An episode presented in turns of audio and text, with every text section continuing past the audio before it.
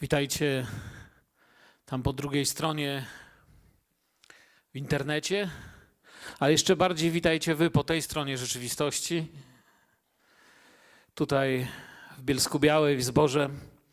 Co za wielki przywilej móc dzisiaj się dzielić z wami Słowem Bożym.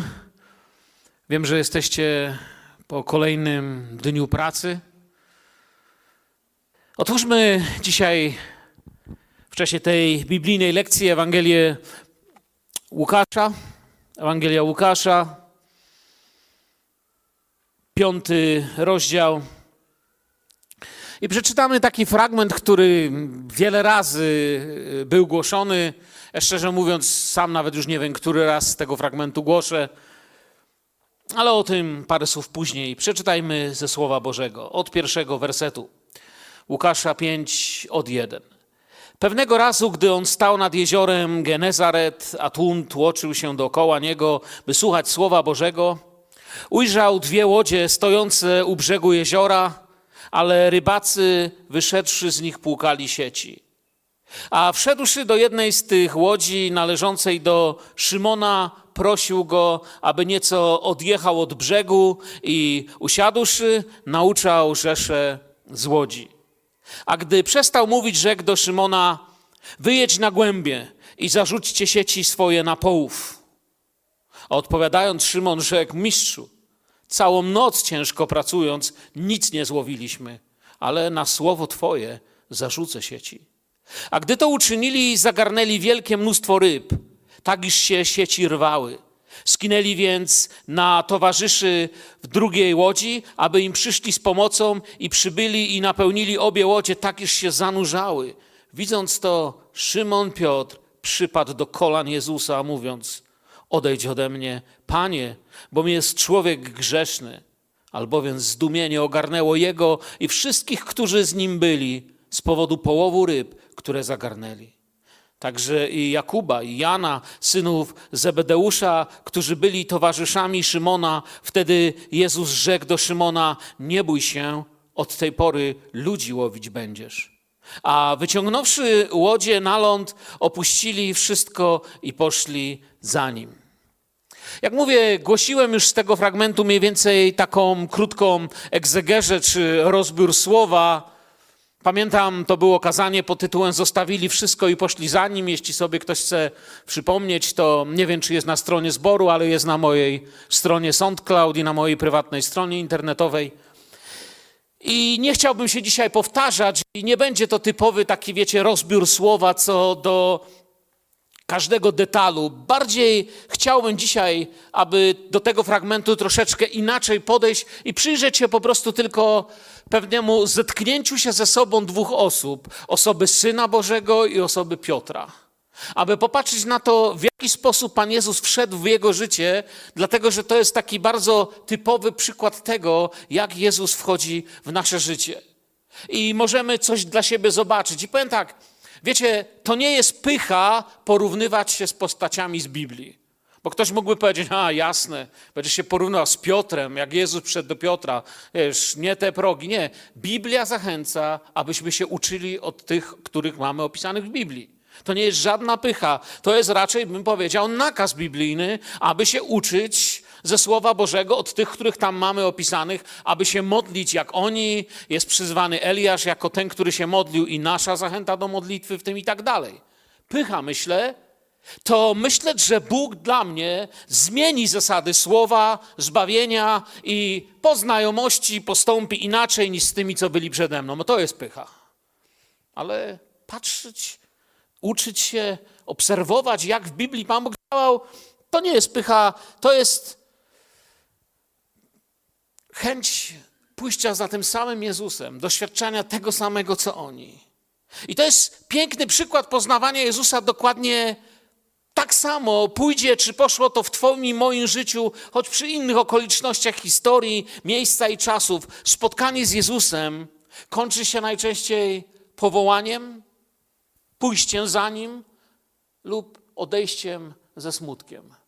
Większość sytuacji tak jest opisana w Biblii. Albo odszedł i zasmucił się, bo nie wiem, bo miał wiele majątności i nie mógł iść za Panem, bo się bał, że straci, albo pozostawili wszystko i poszli za nim. Nasza scena, którą przeczytałem, ma miejsce w najbardziej zaludnionej okolicy Izraela. Rzeczywiście tam są tłumy. To jest to miejsce, szczególnie w tamtym okresie, gdzie szczególnie dużo ludzi mieszkało. Patrząc wokół, mamy w oddali Korzain, Betsaidę, Magdalę, Tyberiadę. Bardzo dużo ludzi żyjących blisko siebie. Jesteśmy gdzieś w okolicach Betsaidy, co się tłumaczy Betsaida, dom ryb albo dom połowów, czy y, dom polowania też bywa tłumaczona ta nazwa. Nawet dom rybaka słyszałem takie tłumaczenie. A więc jesteśmy gdzieś tam w tamtych okolicach i mamy też tutaj te trzy miejscowości, Korzain, Kafarnaum i Betsaidę, które tworzą, wiecie, y, teolodzy nazwali to tak zwanym trójkątem ewangelicznym. Ale czytając Biblię można dojść do wniosku, że to był taki trochę jak trójkąt dla Jezusa, taki trójkąt bermudzki, ponieważ wszystko, co Jezus świadczył, tam miało największy opór. Tam ludzie właśnie nie chcieli. To z rozpaczą właśnie o tych trzech miastach mówił, że Jego słowo i Jego przesłanie właśnie w tych trzech miastach było lekceważone. Niektórzy mówią na nie nawet przeklęte miasta. Ale to nie o tym dzisiaj mówimy. W każdym razie to jest ten rejon pełny tłumów i tak też rozpoczyna się nasza historia. Widzieli, słyszeli wiele, Jezus działa. I tu teraz mamy opowieść, dlaczego chciałem zwrócić uwagę na Piotra, bo mamy opowieść o kimś, kto powie tak. Właśnie w tamtym rejonie, gdzie wielu widziało, gdzie Pan Jezus wobec tamtego rejonu właśnie użył przykładu, że gdyby takie cuda działy się w Sodomie, i oto mamy kogoś z tego rejonu, rybak, Piotr. On powiedział tak, choć jak wiemy, ci z nas, którzy już czytają Biblię troszkę dłużej i przeczytali więcej historii, wiemy, że historia z Piotrem to wcale nie taka prosta historia. To nie jest tak, że zostawił wszystko, jak gdzieś czytaliśmy, poszedł za Jezusem i żyli długo i szczęśliwie i w ogóle to nie było już żadnych problemów. Problemy się dopiero zaczę zaczęły, jak poszedł za Jezusem. Więc to nie jest taka prosta historia.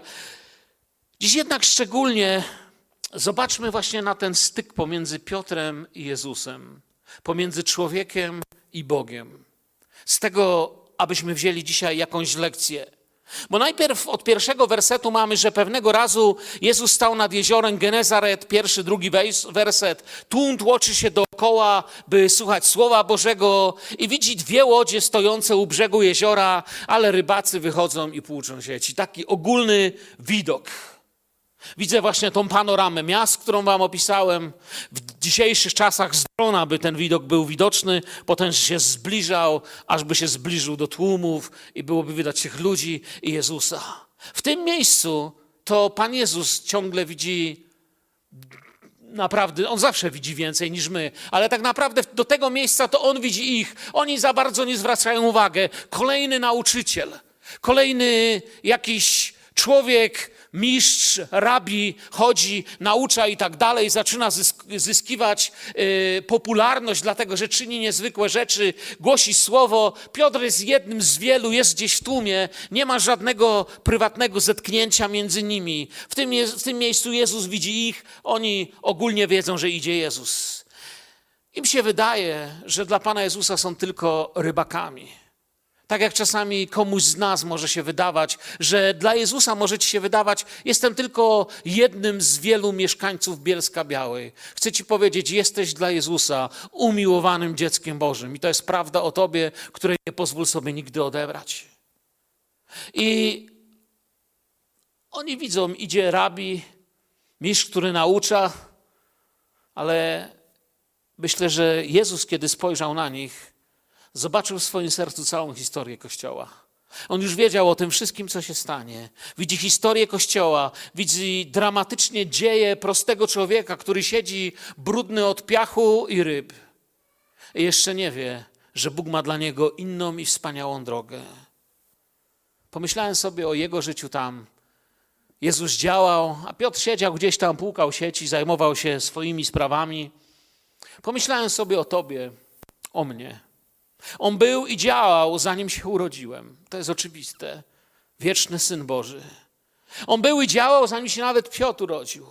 On był i działał, zanim cokolwiek zaistniało. Od wieków, kiedy wszedł w historię ludzkości, od dwóch tysięcy lat, znali go męczennicy, którzy szli za niego i dla niego na kaźń, znali go doświadczających cudów misjonarze, znali go ci, do których domów i życia przyszedł. Przez dwa tysiące lat wyrywał grzeszników z kajdan diabelskich, działał cudownie, a ja przez dwa tysiące lat Jezusa nie znałem. On mnie widział, a ja go nie widziałem.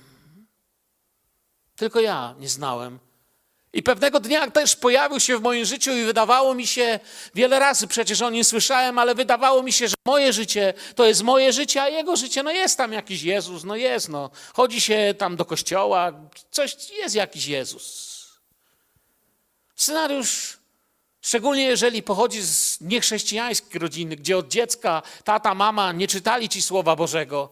Bardzo często jest właśnie taki, że przypadkiem, i to w dużym cudzysłowiu, pojawia się Bóg, pojawia się Jezus, o którym albo słyszeliśmy, albo nawet nie mieliśmy pojęcia.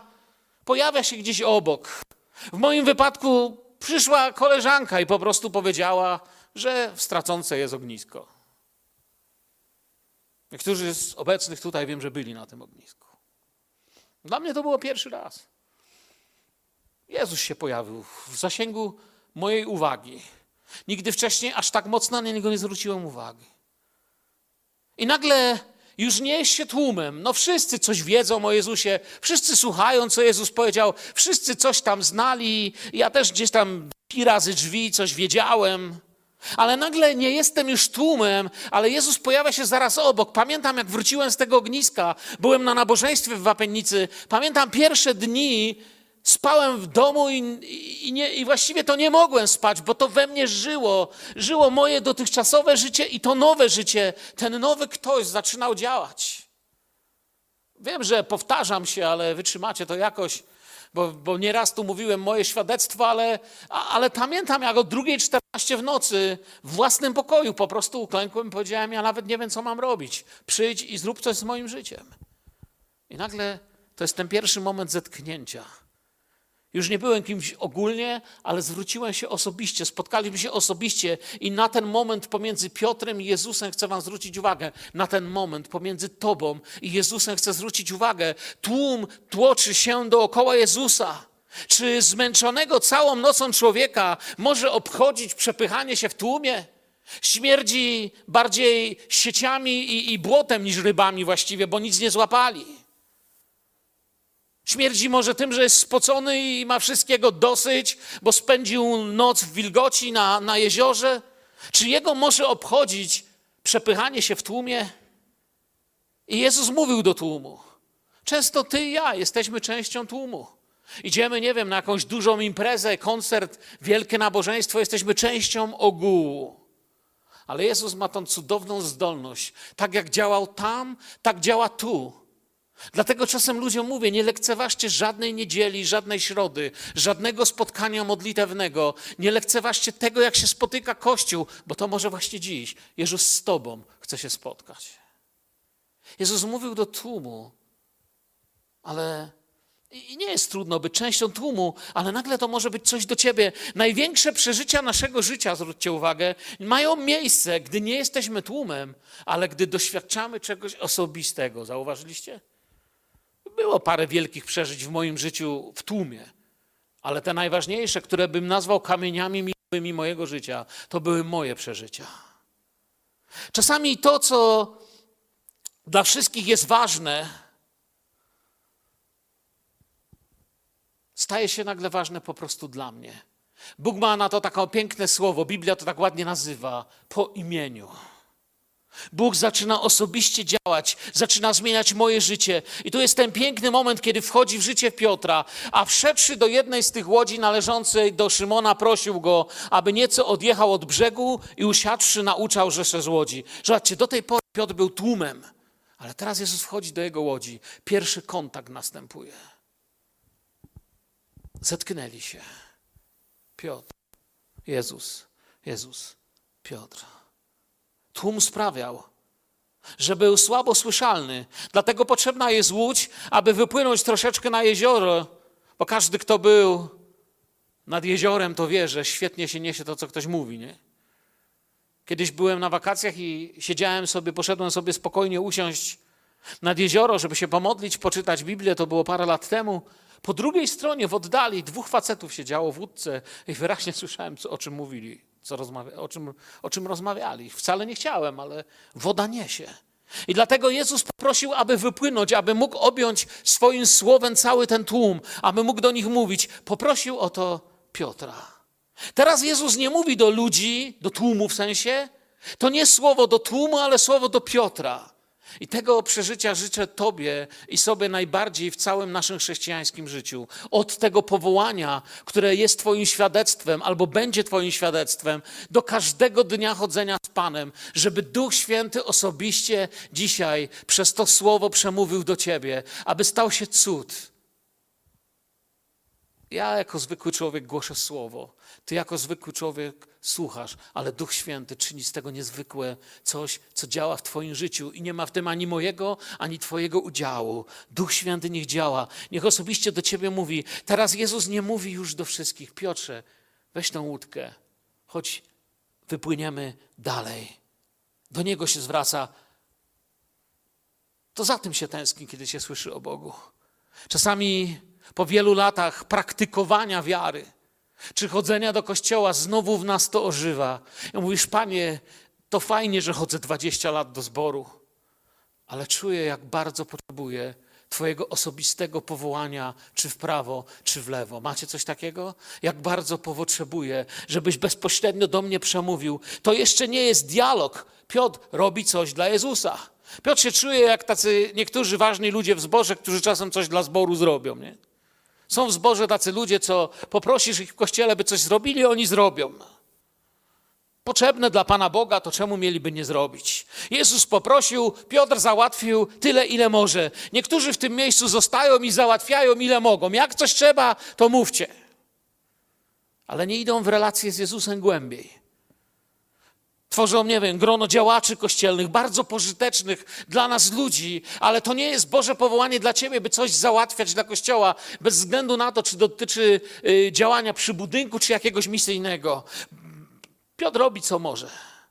Teraz już są bliżej, nie są razem, ale są obok, i w tym miejscu jest się, takie powiem nieteologiczne coś teraz, bliski znajomy Pana Boga. Piotr mógłby w tym miejscu przerwać i opowiadać do końca życia wnukom, a wiecie, kto w mojej łodzi był? Słyszeliście o takim, takim? Ale my wiemy, że to nie jest koniec historii. W tym miejscu jest się bliskim znajomym Pana Boga, ale nie uczniem, bo Jezus zmierza do powołania Ciebie i mnie na ucznia, a nie na znajomego Pana Boga. Kiedy mówię, że znam Boga, to mówię, że mam społeczność z Duchem Świętym i że chodzę w Panu, a nie, że kiedyś słyszałem o Panu. Na uczniostwo tu jest jeszcze dystans ciągle za duży. Piotr mówi, mam łódkę, czemu nie? Proszę bardzo, usługuję. Teraz Piotr ma go u siebie, ale jeszcze jedna rzecz się zmienia. Jakbyście mieli łódkę i jakiś mówca by poprosił, żeby właśnie do waszej łódki wejść, to przyznacie, że zaczęlibyście słuchać, o czym ten mówca mówi. Piotr teraz chyba bardziej słucha. Powiem tak, kiedy pastor ma gościa, pastor wie, prawda? Jak się ma gościa, to się uważnie słucha, co on mówi, nie? Bardziej tak.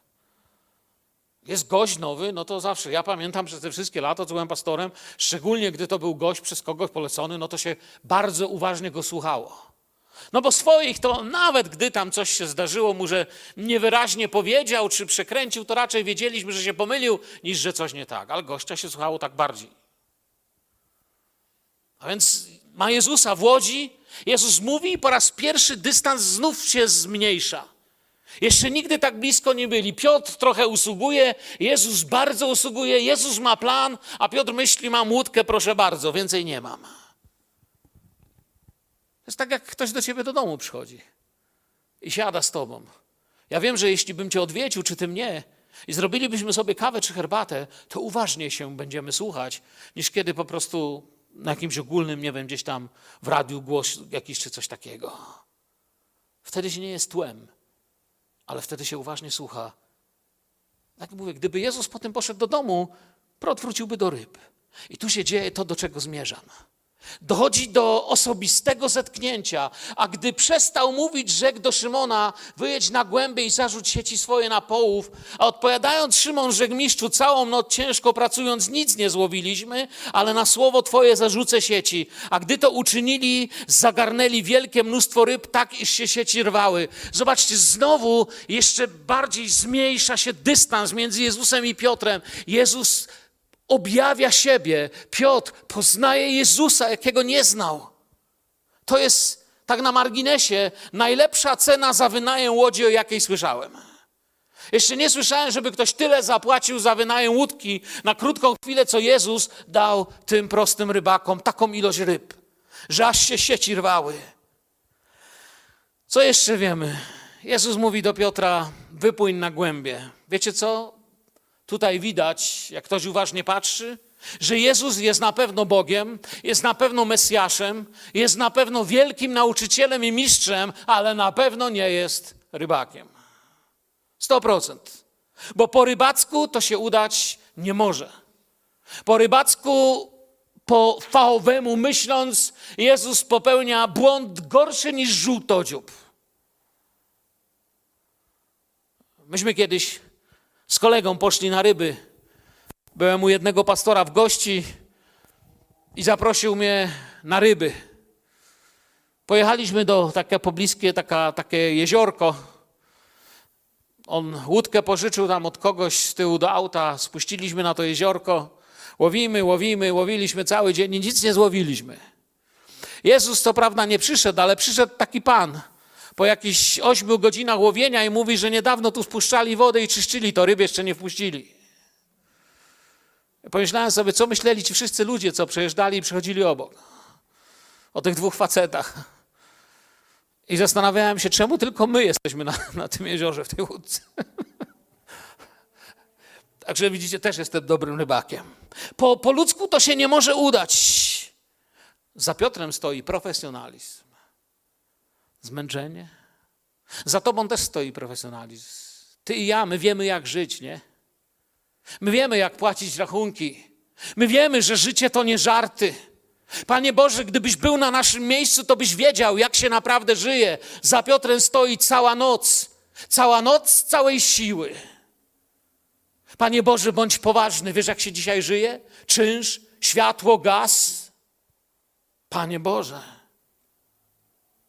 ale na Twoje słowo, na Twoje słowo postąpię wbrew temu, co wiem o życiu. Postąpię wbrew temu, co wiem o rzeczywistości i codzienności. Na Twoje słowo, proszę bardzo, teraz Piotr robi coś na słowo wiary, nie według faktu poznania, bo poznanie Piotra mówi, że robi najgłupszą rzecz, jaką w życiu można robić. Ale według faktu poznania, to w takich chwilach chcę, byście to sobie, patrząc na tę historię, zobaczyli, jak zbliżają się. Wiecie, co to jest za chwila? To jest chwila, którą potrzebujesz ty i ja przeżyć w kościele. Usłyszcie mnie teraz. Musi umrzeć obserwator, a narodzić się uczeń, byśmy byli takim kościołem, jak trzeba. To jest miejsce, gdzie umiera obserwator, a rodzi się uczeń. Do tej pory Piotr się znał na życiu. Co jak co, nikt z nas się nie ośmieli powiedzieć, że Piotr nie wiedział, jak się łowi ryby. Fachowiec. Tyle, że nic nie złapał, ale fachowiec. Tak jak my jesteśmy fachowcami w życiu, tyle tylko, że nie chce wyjść. Wszystko miało się udać. Kończymy szkoły, bierzemy kredyty, załatwiamy sprawy, ale tej nocy nic nie łowimy. Przychodzi ciemna noc w nasze życie, z której długi spłacamy potem przez długie lata, z której głupot naszych błędów Wychodzimy przez wiele, wiele lat z błędów, które popełnialiśmy, bo zdawało nam się, że wiemy, jak żyć. I dziś wiemy, żebyśmy tego nie zrobili, bo w nasze życie przyszedł ten, który mówi: zarzućcie sieci inaczej, zacznijcie żyć inaczej. I umiera w nas obserwator, a rodzi się uczeń. Piotr się znał na życiu, ja się znałem na życiu, ale musieliśmy dojść do tego momentu. Ty się znasz na życiu. Łowili w nocy, gdy ryba żeruje całymi stadami, nie widzi sieci. Ale problem nie jest w tym, że w dzień ryby widzą sieci. To, to jest najmniejszy problem. Problem polega na tym, że skoro w nocy tych ryb tam nie było, to skąd by się niby miały wziąć w dzień? Znasz się na życiu? Tak. Ja się znałem na życiu aż do mojego osobistego spotkania z Panem Jezusem. Pamiętam, jak dręczyły mnie wszystkie grzechy mojego życia. Nigdy nie zapomnę tamtego dnia, to było chyba drugi czy trzeci dzień po moim nawróceniu, kiedy zastanawiałem się, czy wyznałem Bogu wszystko. I pastor doradził mi, czy opowiedział mi historię o Marcinie Lutrze, który miał podobny problem do mnie i zapisał sobie wszystkie grzechy, a potem mnie na czerwono przekreślił, podniósł, pomodlił się, ogłosił, że są wmyte krwią Jezusa i wrzucił w ogień.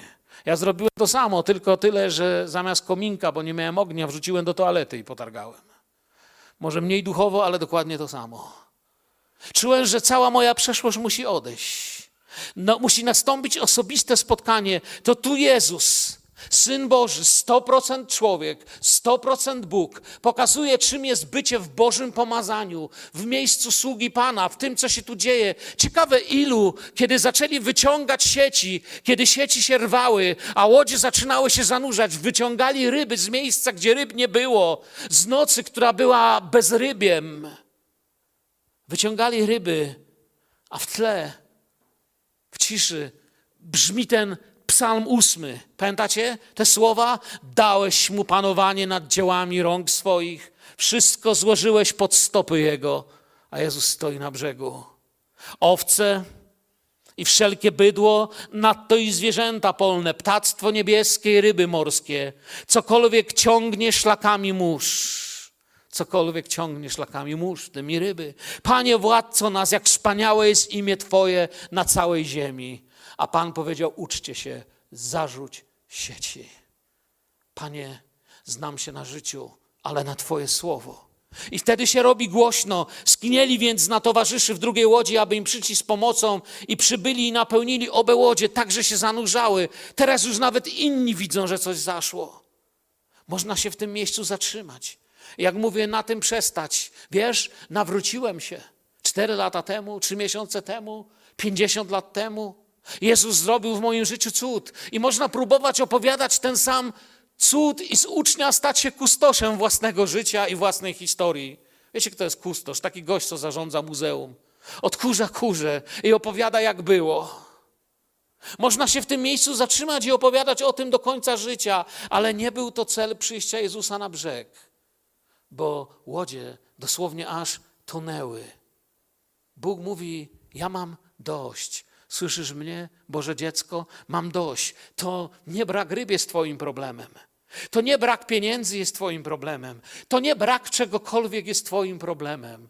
Twoim problemem jest to, że nie jesteś tam, gdzie ja chcę, żebyś był. Twoim problemem jest to, albo możesz pozbyć się swojego problemu przez to, zarzuć się ci tu. Posłuchaj mnie, wejdź w moją wolę. Powiem wam, nie ma większego szczęścia niż żyć w woli Bożej i nie ma większego zmagania modlitewnego. Mówię o tym z autopsji, niż zmagać się w modlitwie. Panie, objaw następny krok, objaw, jaka jest Twoja wola dla mojego życia.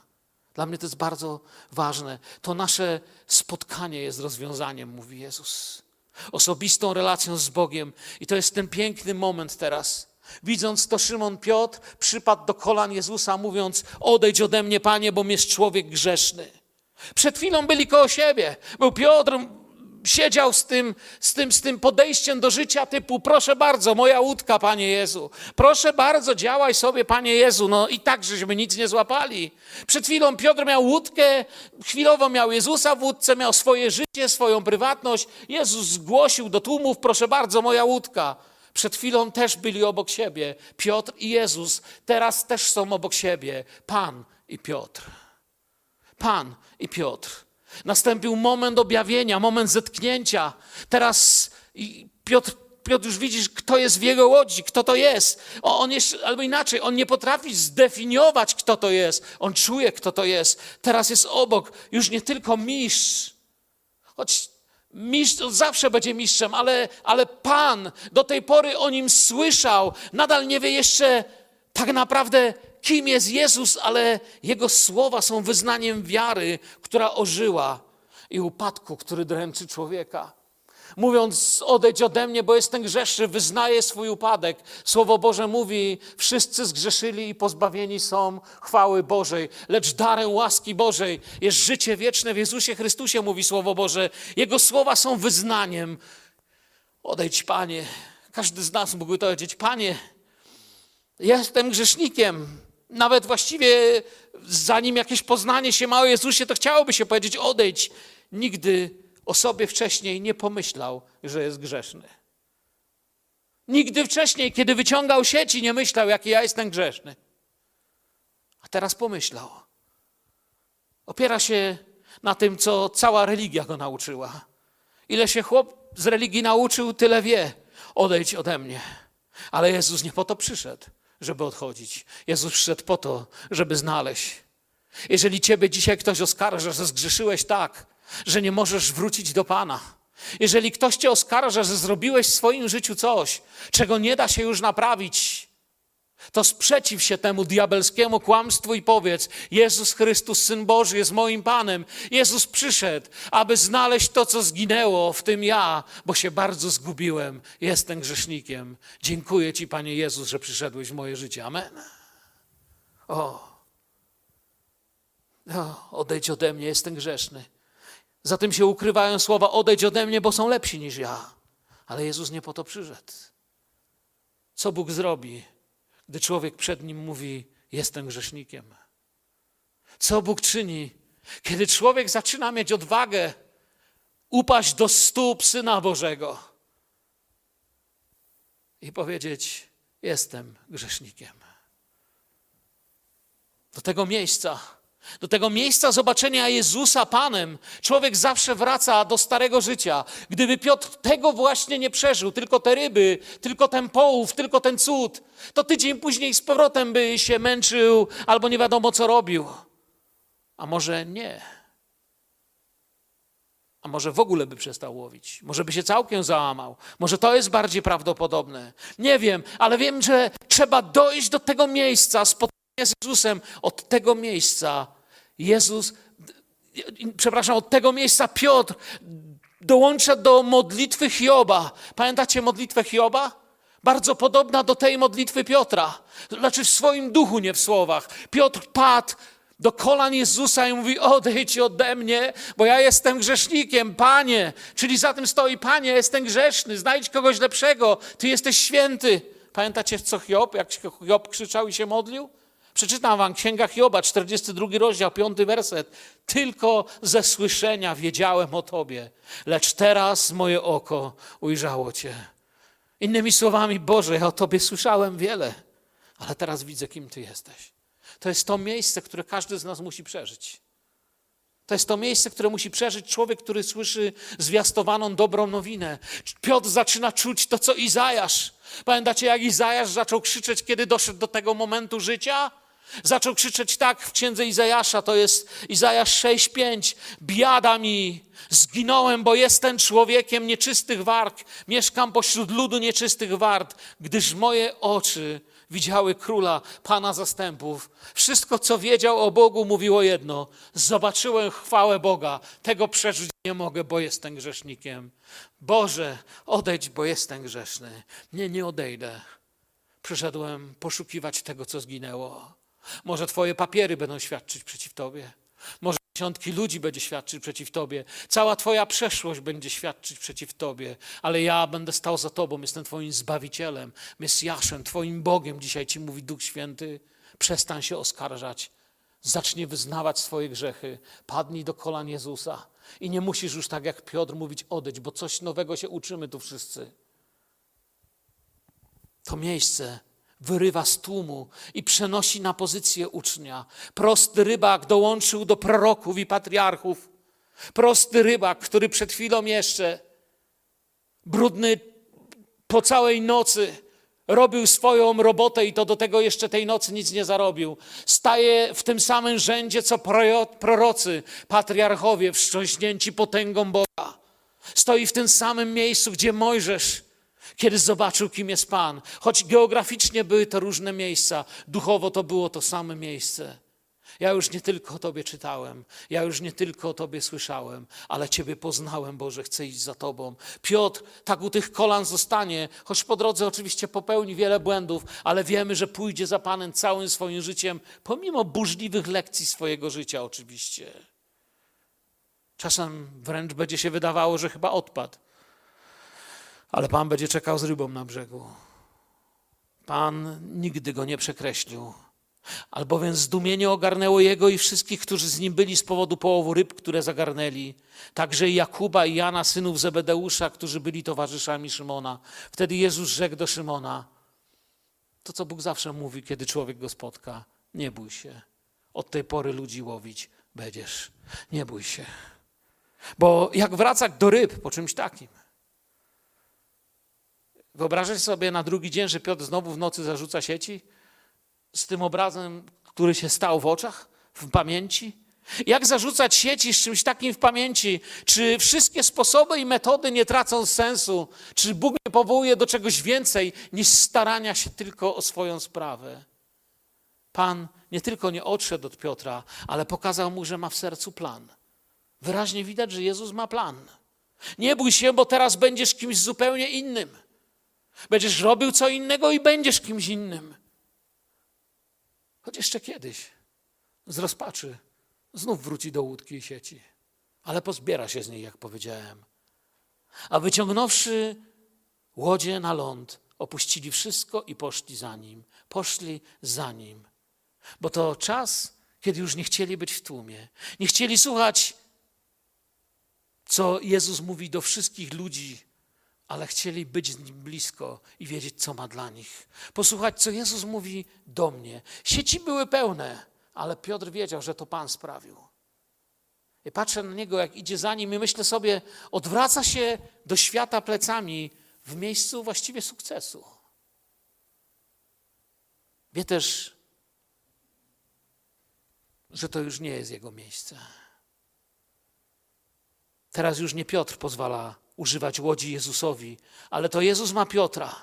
W Ewangelii Łukasza Pan nie mówi tych słów znanych nam z innych, pójdź za mną, ale tutaj się to dzieje właśnie tak pięknie. Zostawili wszystko i poszli. Prawdziwe spotkanie z Jezusem kończy się wyruszeniem za Jezusem. Kończąc, kończąc chciałbym jeszcze kilka ważnych słów tu powiedzieć co do tego wyruszenia za Jezusem. Można go spotkać na wiele sposobów. Wiemy, że jest tylko jedna droga do Ojca, jedna, jedna droga do Boga Jezus Chrystus. Ale wiemy też, że z różnych okoliczności życia przyszliśmy. Na różne sposoby, w różnym momencie życia spotkaliśmy Jezusa. Można go spotkać i otrzymać wiele dobra. Kiedy przyszedłem do kościoła, Kościół mi pomógł. Kiedy w pierwszych dniach się nawróciłem, nawet pastor materialnie mi pomógł. Dał mi kurtkę, dostałem coś, ale to nie po to Kościół istnieje. Można na tym poprzestać. Można stać się tylko kimś, kto coś wziął, wyciągnął ryby. Można spotkać i sobie pójść dalej i opowiadać. Można otrzymać wiele dobra, łaski, miłych słów od jego uczniów ale celem jest, by się stać uczniem. Można przy pięknej muzyce, nastroju, można nawet upaść w czasie ewangelizacji na plecy i modlić się. Można przeżyć zniosłe przeżycia, ale to wszystko jest nic. Cały sens tego, że jesteśmy tu i tego, kim jesteśmy, chcę być uczniem Jezusa. Amen. Chcę być uczniem Jezusa, to jest cały sens. Prawdziwe spotkanie kończy się wyruszeniem w Jego ślady. Osobiste spotkanie zmienia wszystko, tylko wtedy, jeśli staniesz się uczniem, inaczej nic się nie zmieni. Im bardziej osobiście go człowiek spotyka, tym bardziej staje się jego uczniem i chce iść. Nieżyjący już biskup Ewgenii Pietrowicz opowiadał w szkole biblijnej historię. Opowiadał mi historię, może to nie on ją mówił, chyba on mówił, teraz W każdym razie opowiedzieli mi ciekawą historię o jednym z założycieli ruchu zielonoświątkowego w Rosji, którego skazano na karcer. Dlatego, że komuniści go zamknęli, słuchajcie, w więzieniu. Wiecie za co? Za to, że ten człowiek głosił Ewangelię. Gdzie nie poszedł, zwiastował Słowo Boże. W pracy, w domu, u niego w domu spotykało się nielegalne spotkanie kościoła, grupa domowa, nielegalna. I w końcu KGB go wyśledziło, aresztowało, zamknęli i że w więzieniu zaczął Słowo Boże głosić, to go do koronii karnej posłali, do ciężkich robót, ale dalej tam głosił. Wszędzie, gdzie ten człowiek był, pojawiali się uczniowie, pojawiał się Kościół, bo ten człowiek był pełny Jezusa. I w końcu napuścili na niego takiego oficera, który mu powiedział, słuchaj, myśmy cię tu zamknęli za to, że ty te brednie o Bogu opowiadasz. I ja ci dam taki wycisk, jak jeszcze raz usłyszę, że ktoś z więźniów słyszał od ciebie, o tym twoim Bogu, że po tym, co ja ci zrobię, to mnie będziesz nazywał Bogiem, mówił mu ten oficer, ten komandir. I do mnie będziesz się modlił, żebym przestał. Wiecie, kiedy on nie przestał, został skazany na karcer. Ja bym powiedział tak, jak sobie tu posiedzisz 10 dni w ciemnicy, nago, w wilgotnej celi, i będziesz dostawał w misce tą samą papkę do jedzenia raz dziennie, to za 10 dni ty do mnie będziesz mówił, mój Boże. I on nam opowiedział ciekawą rzecz, kiedy tego człowieka tam, bo to trzeba było zejść, wiecie, ona była ta niska taka cela, prawie na czworakach się tam schodziło, zamknęli te drzwiczki za nim on tam siedział 10 dni. I potem już kiedy wyszedł na wolność, opowiadał świadectwo. I mówił tam, modląc się, Postanowiłem prosić Jezusa o najbliższe spotkania naszego życia i mój Pan przyszedł. I kiedy go wypuścili, to byli pewni, że będzie nienormalnie, że będzie rozkojarzony, będzie rozbity, tak jak większość ludzi. Po dziesięciu, po siedmiu dniach, po pięciu ludzie nie, zrobili już wszystko, byle tam nie wracać. Ten człowiek złożył świadectwo. Mówi, to były najpiękniejsze dni mojego życia. Wiem dokładnie, ile dni minęło. Wiem dokładnie, kiedy był poranek i wieczór, a mój Pan do mnie codziennie przychodził, był tak blisko jak nigdy w życiu. Zostałem uczniem Jezusa i wiecie co, wobec strażników powiedział do tego oficera: Dziękuję Ci, że pomogłeś mi stać się lepszym uczniem Jezusa. Oto jest to, co się dzieje. Jezus się staje realniejszy. To doświadczenie Piotra to nie jest tylko biblijna historia, choć też jest. To pytanie, czy ty i ja tego doświadczyłeś? Czy Twoje życie obfituje w osobiste spotkanie z Jezusem? Czy nie stałeś się członkiem Kościoła Zielonoświątkowego, zapisanym, dyskutującym o nim, znającym się na, wiedzącym, tyle tylko, że od lat nie przeżyłeś działania Ducha Świętego, od lat do niczego Bóg Cię nie powołał. Nie potrafisz powiedzieć, kiedy ostatni raz z kimś dzieliłeś się Ewangelią. Nawet już nie pamiętasz, kiedy kogoś zaczepiłeś i powiedziałeś mu Jezusie, jeśli jesteś tutaj w takim stanie, to ratuj się i odkurz swoje chrześcijaństwo, odnów się. Przestań żyć w lęku, przestań być członkiem naszego zboru. Bądź nim dalej, nie chcę, żebyś się wypisał, ale stań się czynnym członkiem Kościoła, uczniem Jezusa.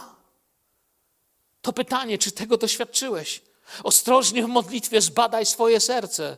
Bo chodzi o fundamenty Twojej wiary. Kiedy doświadczyłeś spotkania? Czy Pan jest realny na modlitwie dla Ciebie?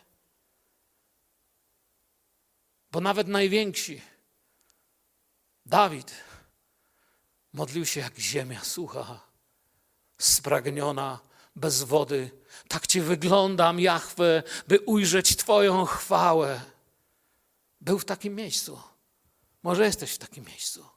Może znasz się na kościele, znasz się na chrześcijaństwie, jesteś stary protestant, nawrócony wiele lat temu. Super, fajnie. Ja też. To jest fajnie, że znalazłem swój zbór, kocham zbór pastorów, kocham was, kocham braci, siostry, lubię kościelne, zborowe życie, czuję się w zborze jak w domu, gdziekolwiek pojadę. Trzeba mi trzy sekundy, żeby się w każdym zborze poczuć jak w domu. Pamiętam, pojechałem do Azji Azjatycki zbór, inaczej ubrani ludzie, inaczej wyglądają, inne twarze. Trzy sekundy czułem się jak u siebie. Byłem w Australii u Polaków, trzy sekundy byłem u siebie. W Ameryce u Polaków i Amerykanów, trzy sekundy byłem u siebie. Kochają Boga, ja się dobrze czuję w kościele, ale wiem, że to nie o to chodzi, bym się na tym znał, ale spotkał osobę, która to wszystko mi sprawiła, bym miał relację z Jezusem. Ostrożnie zbadaj swoje serce. Chodzi o fundamenty Twojej wiary kiedy przeżyłeś osobiste to, to padnięcie do kolan, Panie. Chcę, byś był blisko realny. Nie myślę, że jakiekolwiek życie może zaprosić Jezusa dopóki serce nie zobaczy, że nie jest godne tego, kim jest. Tak pozostać nie może. Panie, nie jestem godzien. Ale powiedz słowo, powiedział setnik. Panie, odejdź ode mnie, bo jestem grzesznikiem, powiedział Piotr. Potrafimy zobaczyć, co tam jest nie tak i co jest tak, ale siebie czas zobaczyć. Kiedy tak blisko byłeś, że aż może aż coś głupiego powiedziałeś, albo aż nie wiedziałeś, co powiedzieć, bo Bóg był tak blisko. Ktoś powie, ale jak mam tego doświadczyć? Fajnie ci się kazanie głosi, ale co zrobić? Jezus nie przyjdzie do naszego miasta, tak jak tam przyszedł na brzeg. On działa jak zawsze. Ja tego doświadczam przez Jego Słowo. Znów daj temu Słowu swoje uszy i oczy. Przywróć poranne czytanie Słowa. To jest dla mnie ważne, żeby rano w biurze poczytać Słowo. Tylko oczy otwieram, patrzę, moja żona codziennie czyta Słowo. Słowo nami kieruje. Nie jesteśmy doskonałą rodziną, ale nie boimy się przyjść tu z dziećmi, bo wiemy, że Bóg nas będzie zmieniał i będzie działał w naszym życiu.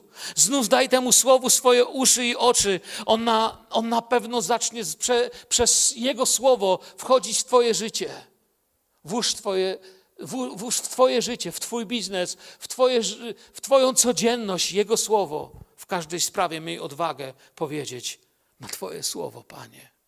Na Twoje Słowo, Panie. To Słowo rzuca nas do kolan Jezusa. Tyle, że już wiemy, nie trzeba mówić odejść, ale możemy cichutko powiedzieć: przyjdź, przyjdź, przebywaj w moim domu, w mojej rodzinie, w moim życiu. Bez Ciebie nic nie mogę, nie chcę dłużej, nie chcę żyć tylko z wiedzą o tym, co przeczytałem w Biblii, usłyszałem na kazaniach. Chcę żyć w poznaniu Ciebie i bliskości Twojej osoby. Amen. Powstańmy do modlitwy. Uwielbimy Pana Boga, uwielbimy naszego Jezusa tą pieśnią. Spędźmy przed tym, nie zostawiaj tego tak. Jedź do domu dzisiaj i po drodze, jeśli masz okazję, albo w domu, jeśli będziesz miał chwilę samotności, choćby pod kołdrą, jeśli jesteś otoczony ciągle dużą ilością ludzi, ale znajdź miejsce, gdzie możesz tak bardzo osobiście powiedzieć: Przyjdź w moje życie. Chcę znowu Ciebie doświadczyć tak realnie, osobiście jak dawno. Tam, gdzie jesteś w Twoim domu, przed komputerem czy telewizorem, i Wy tutaj. Przyjdźmy teraz w modlitwie do Pana.